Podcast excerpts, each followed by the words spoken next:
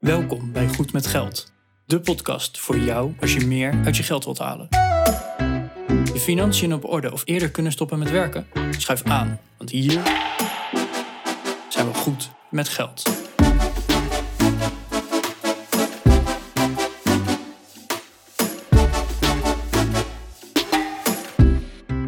Aflevering 99 van de Goed met Geld podcast. Ik ben Bas En ik ben Arjan. en we zitten één aflevering voor aflevering 100. Ja, Bas, ik heb er zin in. Ik heb er ook zin in. En niet alleen in deze aflevering, maar ook zeker wel in aflevering 100 en nog de afleveringen die natuurlijk daarna nog gaan komen. We hebben zo'n toffe aflevering 100 voor jullie bedacht. Ja, hij staat al helemaal klaar. De- hij staat helemaal klaar. Het is de jubileumaflevering Ja, van Goed met Geld. we hoeven alleen nog 100. maar op publiceren te drukken. Ja, zelfs dat is eigenlijk al wel gebeurd. Ik heb er zin in. En maar Bas, ja, aflevering 99, we zitten op half december. Volgende week is het kerst. En wij kregen een, eh, een mailtje van Jan. En ja, Jan die schreef van ja, het, is allemaal wel leuk, maar we zitten tegen het einde van het jaar. En dan heb ik altijd wel wat, wat eindejaarsacties, wat, wat dingen die het jaar afsluiten op financieel gebied. En dat betekent dan niet het, het Excelletje vullen tot en met 31 december. Nee, dat is eigenlijk iets een, een week of twee, drie daarvoor. En nou, hey Bas, dat is eigenlijk gewoon de perfecte timing om dat nu in deze podcast even te gaan behandelen. Want alles wat in dat mailtje stond, dat doe ik ook. Ik doe het meeste. En ik doe nog wat extra dingen naast wat er in het mailtje stond. Oeh, daar ben ik dan heel benieuwd naar. Zo heeft iedereen zijn, eh, zijn eindejaarsrituelen eh om, omtrent geld. Nou, ja, tenminste, ik denk dat de meeste mensen geen eindejaarsrituelen omtrent geld hebben. Ik heb ze wel, jij hebt ze ook en Jan heeft ze blijkbaar ook. En wij denken dat het heel slim is als je over dit soort dingen nadenkt. Vandaar dat we er een aflevering over maken. Ja, want waar Jan op doelt en waar wij ook op doelen, is kijken naar je financiën en kijken naar dat moment van 31 december. Want op 31 december wordt bepaald hoeveel vermogen jij bijvoorbeeld hebt. En over dat vermogen, of je daar eventueel vermogensrendementsheffing over moet gaan betalen.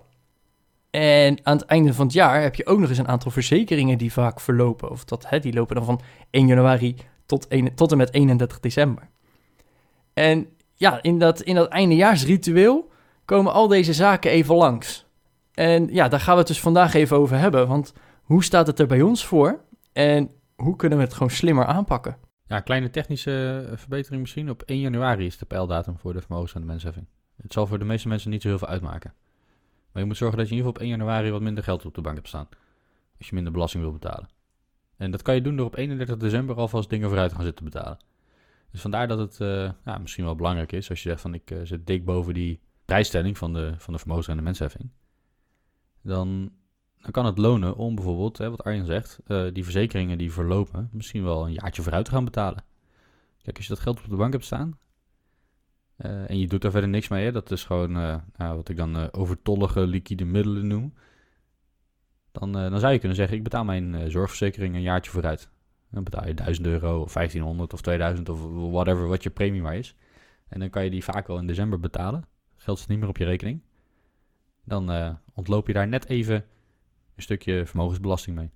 Dat kan je ook doen met, met wat andere verzekeringen misschien die je gewoon vooruit kunt betalen. Ja, want toen ik nog wat jonger was en in mijn studententijd zat, toen betaalde ik mijn zorgverzekering al per jaar. En dat deed ik eigenlijk om maar één reden, want ik kreeg korting. En die korting die was toen nog 2%. Ondertussen is dat helaas gedaald naar 1%, maar goed. Ik kreeg 2% korting, omdat ik dat bedrag in één keer overmaakte. Nou, dat vind ik eigenlijk al een goede deal, want zoveel rendement kreeg ik niet op mijn spaarrekening. Eh, zelfs die 1% die het op dit moment is, die kreeg ik ook niet op mijn spaarrekening. Dus eh, ja, ik, eh, ik was daar al heel content mee. Dus wat ik eigenlijk deed, is dat ik elke maand gewoon al een beetje geld apart legde. Om ervoor te zorgen dat ik einde van het jaar genoeg geld had om die rekening in één keer te betalen. Maar ja, toen, eh, toen kwam ik achter FIRE en dat ik ging sparen en, en noem maar op. En op een gegeven moment kom je boven zo'n grens uit. En dat is die grens inderdaad van de vermogensrendementsheffing. Nou, en de precieze bedragen waar die grenzen liggen, die veranderen elk jaar. Die worden ook geïndexeerd. Dus die gaan we in dit geval ook even niet noemen. Die liggen rond de 30.000 euro, rond de 100.000 euro en rond de miljoen euro. Als je ze precies wil weten, zoek ze dan even op op het internet. Dan weet je ook meteen hoeveel het dit jaar gaat zijn. Want hè, dat, ik kan wel zeggen, het is 30.864 euro. Maar voor hetzelfde geld is het net 50 euro meer of minder. En val je net wel over die grens heen. Dus zoek ze die zelf gewoon even op. Maar ja, als je daar dan boven zit, dan kan je nog steeds kiezen voor je zorgverzekering. Dat je zegt van, nou, ik betaal hem gewoon na 1 januari. Ik vind het wel prima. Ik geloof dat ik hem voor 31 januari moet betalen. Maar ik ben dus ook even door gaan rekenen van, oké, ik heb dus een rekening staan van nou, 1500 euro. En dan denk je, ja, wat maakt dat nou uit, hè? Die, die 1500 euro, of je het nou in december of in januari betaalt. Eh, lekker boeiend. Maar ik ben dat dus even gaan berekenen met die vermogensrendementsheffing. En op het moment dat jij een, een belastbaar vermogen in box 3 hebt tussen die 30.000 en 100.000 euro, dan scheelt je dat gewoon 8 euro. Als je die zorgpremie dus in december betaalt, betaal je volgend jaar 8 euro minder vermogensrendementsheffing. Ja, en dan denk ik van ja, dat, dat is dus 8 euro die ik minder hoef te betalen.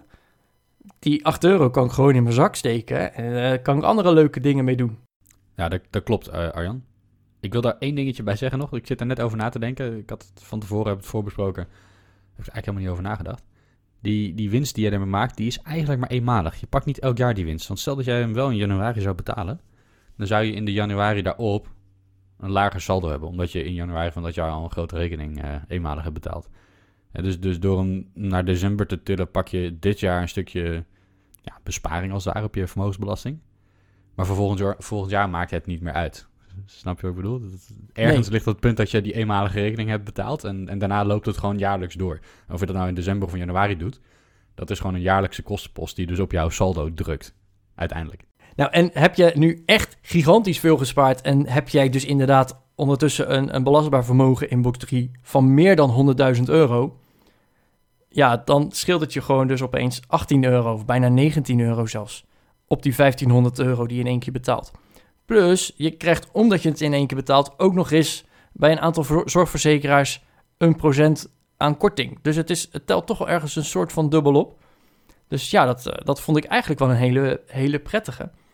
En stel nou dat je, dat je daar nog niet zit en dat je net zegt van ja, ik, ik zit ergens rond die 30.000. En ja, ik vind het eigenlijk wel prima, het maakt me niet zoveel uit. Kijk dan ook nog even verder, want hè, stel dat je net een tientje boven die grens zit. Dan denk je, ja, dat tientje, nou, uh, daar betaal je 0,5% over. Of officieel 0,537%. Ja, dat is alleen over het bedrag dat je echt boven die vrijstelling zit. Hè? Dus het is niet dat als je 31.000 euro aan uh, belastbaar vermogen hebt, dat je daar die 0,5% over betaalt. Nee, je betaalt alleen over die 1000 euro dat je boven de vrijstelling zit, die 0,5%. Ja. Ja, dus het pijn valt mee. Over dat tientje zou je misschien 5 cent belasting betalen. Maar kijk dan ook nog even een stukje verder. Heb je bijvoorbeeld een huurhuis en ontvang je huurtoeslag, dan vervalt jouw huurtoeslag op het moment dat je boven die grens uitkomt. Nou, en ik weet niet hoeveel huurtoeslag je ontvangt, maar waarschijnlijk is dat meer dan een paar cent. Dat je ja, toch misschien wel even moet kijken van, hey, moet ik misschien even onder die grens uitkomen om inderdaad mijn huurtoeslag te mogen behouden. Zijn er nog andere verzekeringen die je, die je vooruit betaalt waar je wat korting op kunt krijgen? Want ik, ik weet, ik heb bijvoorbeeld zakelijk een uh, verzekering lopen voor, voor aansprakelijkheid. Hè, dat als ik iets stuk maak bij een klant of zo, dat, dat dan, nou, dat kan ik dan op mijn verzekering claimen. Maar die betaal ik gewoon maandelijks en ik krijg ook geen korting als ik die vooruit ga zitten betalen. Dus heb jij nog wel andere verzekeringen dan die, uh, waar je korting op kan krijgen? Ja, nou heel toevallig. Bij mijn uh, standaardverzekering, dus inderdaad aansprakelijkheidsverzekering, rechtsbijstandverzekering, reisverzekering, dat heb ik allemaal bij één verzekeraar. En die heeft dus ook de mogelijkheid om dat in één keer te betalen. En ik geloof dat ik dan ook een, een hele kleine korting krijg. Maar die betaal ik dus ook inderdaad uh, in één keer. Is het ook iets van 1% korting? Ik zoek het meteen even op. Dat is wel interessant, denk ik, om uh, even te kijken wat, uh, wat daar de korting... Want heb je zorgverzekering krijg je 1%. Ik geloof dat ik bij mijn zorgverzekeraar 2% korting krijg als ik vooruit betaal. Ja, als het 0,1% is of zo, is het dan nog de moeite waard. Dat is iets wat je even moet afvragen. Dus Arjan is, uh, terwijl we nu live een podcast aan het opnemen is, is die uh, heel hard druk aan het zoeken in zijn polis wat voor korting die krijgt. Zodat jullie weten of het de moeite waard is of niet. Ja, ik krijg uh, zeker wel korting. Maar hoeveel is de vraag? Als ik per jaar betaal, krijg ik 3,53% korting. Oh, dus dat is de moeite waard. Een, een goede 3,5%. Nou, Doe ik dat per half jaar is het 1,6 en per kwartaal 0,6 procent. Dus eh, ja, voor 3,5% korting wil ik best wel eh, per jaar betalen. Ja, want even los van de vermogensrendementsheffing die, eh, die je al dan niet bespaart, hè, waar ik nog steeds een beetje mijn vraagtekens bij heb, of dat op de lange termijn opgaat, is dat je 3,5% gegarandeerd rendement krijgt op iets wat je toch al moet betalen. Ja, dat vind ik zeker de moeite waard. En, en kijk, wat ik doe, ik spaar gewoon het hele jaar door om uiteindelijk deze rekening te kunnen betalen. Dus elk, elke maand leg ik voor de verzekeringen een paar tientjes apart. Voor mijn zorgverzekering eh, een goede 100 euro apart. Hm. En ga zo maar door. Ja, en dat, dat stamt nog uit mijn studententijd. Dus hè, ik, het zit toch al in dat ritme. Gewoon Ja. mee doorgaan. En het levert gewoon weer even, even wat extra korting op. Ja, lekker man.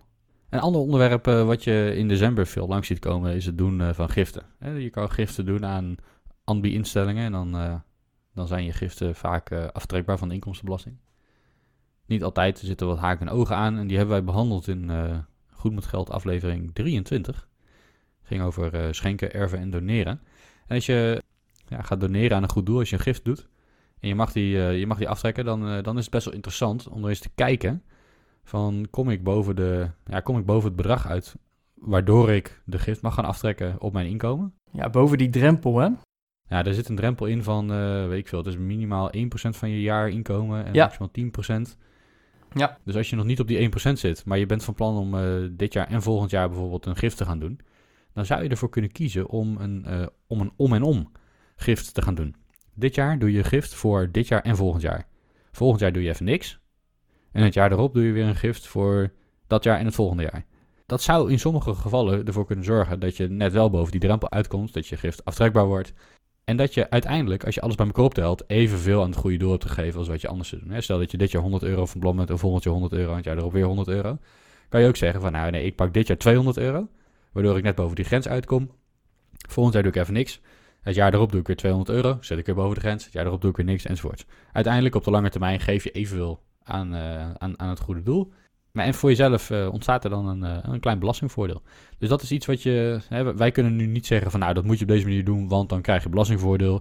We hebben geen idee hoe jouw financiën eruit zien. Maar dit is wel iets waar je over na zou kunnen denken. Hè. Jan vertelde dit in, eh, in zijn berichtje in ons. Toen dacht ik, van, dat, is best wel, dat is best wel slim. Want er zijn best wel wat mensen die gewoon een jaarlijkse gift doen. En daardoor nooit, ja, nooit boven die aftrekbare drempel uitkomen. Ja, denk daar eens. eh, het is nu december. Mooi moment om daar nog even over na te denken. En als je voor 31 december zo'n eh, zo'n gift doet, dan telt hij nog mee op, eh, op dit jaar. Ja, en wat ik dan wel slim vond van Jan. want hè, Bas, jij zegt nu, doe dat dan, betaal in één keer voor twee jaar. Wat Jan had aangegeven is, nou dan betaal ik voor dit jaar in januari. En voor volgend jaar betaal ik het alvast dit jaar in december. Dus op die manier spreid je wel die kosten voor jezelf en kan je er nog even voor sparen. En of je het nou elke keer januari betaalt of dan één keer het iets vervroegd doet en al in december betaalt. Nou, op papier betaal je het dan inderdaad in één jaar. Dus dan telt het samen mee om naar die drempel te komen. Maar als je dan echt naar de jaren gaat kijken, ja, officieel sla je dan steeds een jaar over. Dus op die manier kan je dat nog best wel slim aanpakken. Doneer je nou echt jaarlijks standaard aan een goed doel? Dat je zegt van ja, die stichting, daar gaat sowieso een vast bedrag per jaar heen. Daar, ze hoeven niet eens de best te doen, dat maak ik gewoon over. Kijk dan ook even of je het misschien vast kan laten leggen. Want dan heb je over dat bedrag geen drempelwaarde. Dus hè, die, die 1% van jouw bruto jaarinkomen, die telt dan opeens niet. En dan wordt het vanaf de eerste euro al aftrekbaar.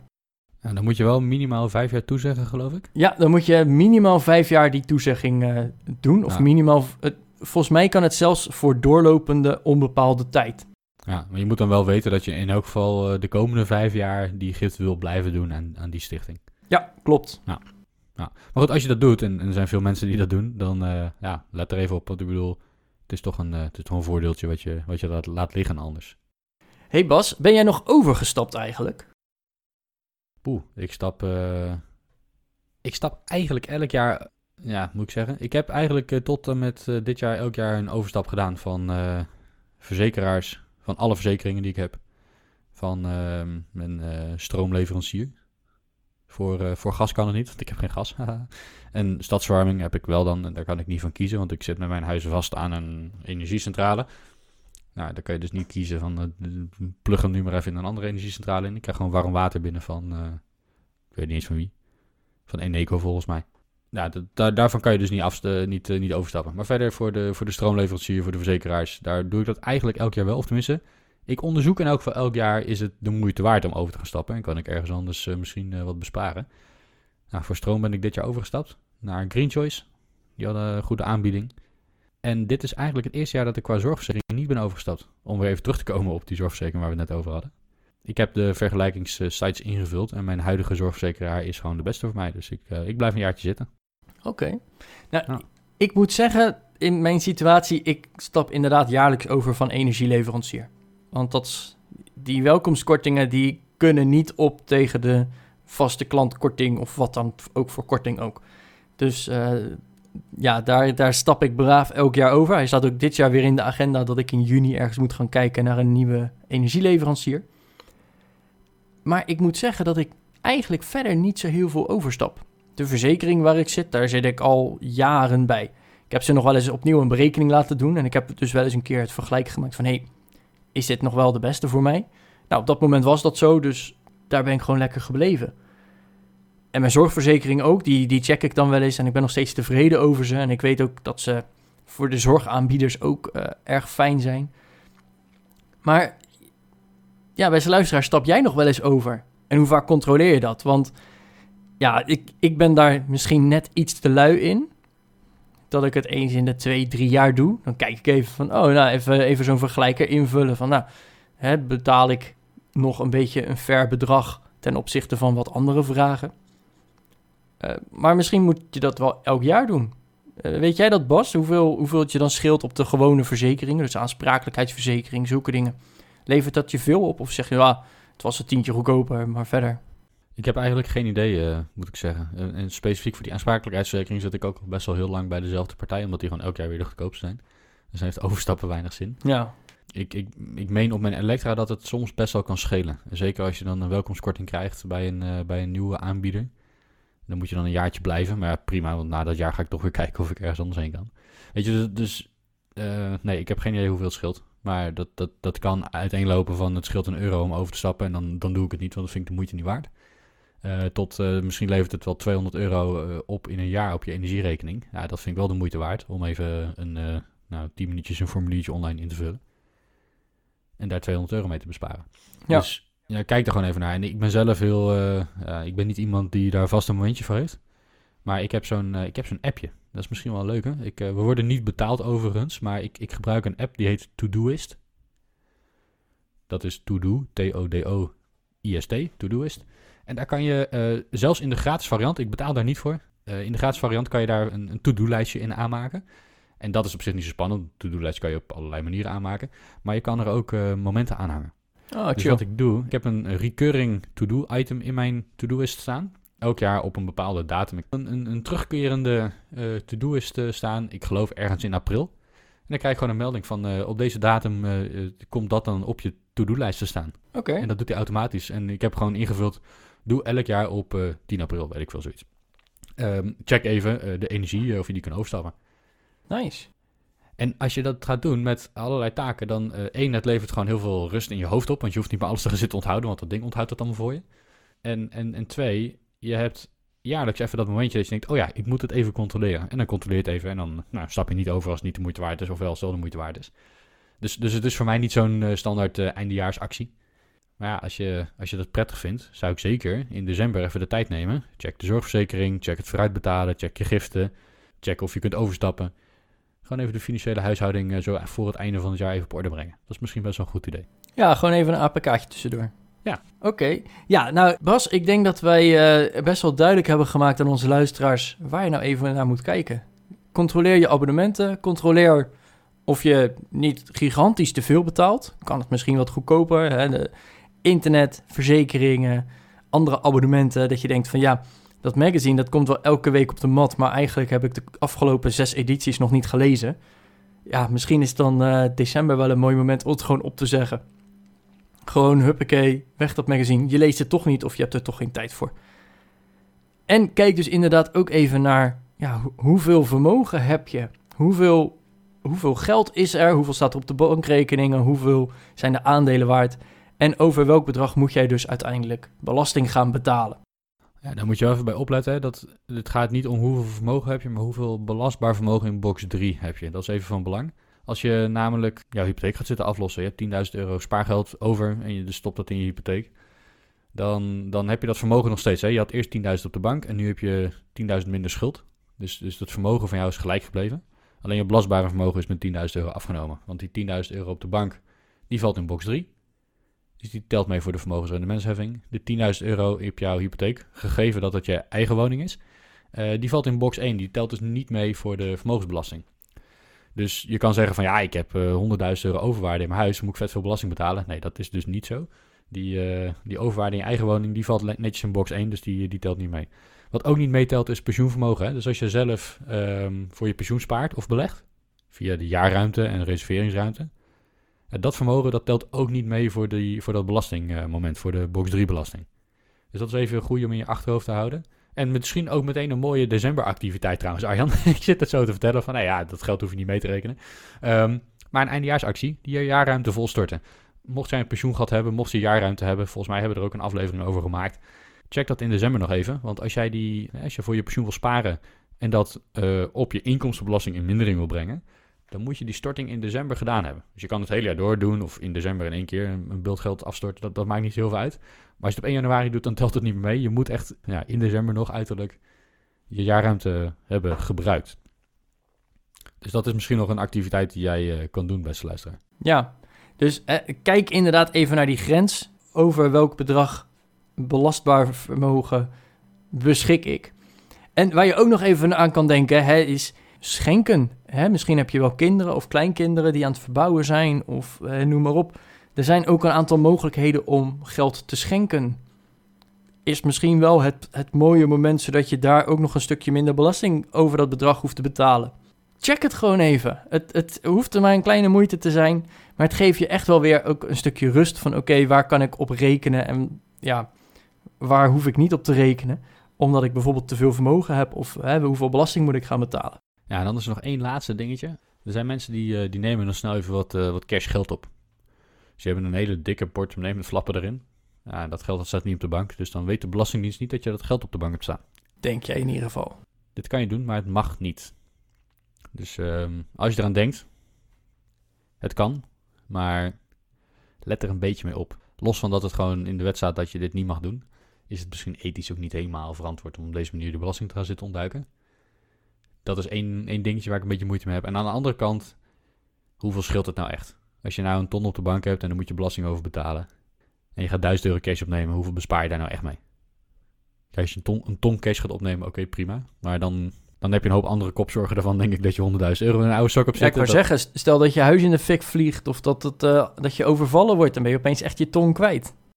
Ja, dus mensen, doe dit, doe dit nou gewoon niet. Ik, nee, ik zou echt gewoon willen adviseren, kap ermee. Ga niet, uh, ga niet om een paar euro belasting te besparen allemaal cash te opnemen. Het is super onhandig om heel veel cash te hebben. Kijk, als je altijd uh, met, met cash je boodschappen doet, dan prima als je een paar honderd euro in huis hebt. Maar ja, duizenden of misschien wel tienduizenden euro's cash, wat, wat moet je ermee? Ik bedoel, dat, het is gewoon helemaal niet praktisch. Je, kan, je kunt je hypotheek niet mee betalen. Het, het schiet gewoon niet op. En het mag gewoon niet. Ja, het mag wel. Je mag best wel cash opnemen. Alleen dan moet je wel opgeven op je inkomstenbelasting dat je naast een banksaldo ook nog een, een cash saldo hebt, zeg maar. Dus uh, gebruik dit niet om de vermogensrendementsheffing te drukken, alsjeblieft. En met deze wijze woorden sluiten we deze aflevering af. Ik heb heel veel zin in volgende week, aflevering 100. Ik kan niet wachten. We hebben zeven gasten te gast. Ik kan niet wachten, Arjan. Het, ik heb er nu echt ik kan niet wachten. enorm veel zin in. En ik zit te stuiteren. Beste luisteraar, alvast heel veel plezier met luisteren volgende week natuurlijk. Kijk er naar uit en uh, ja, tot volgende week. Tot volgende week. Ik kan niet wachten.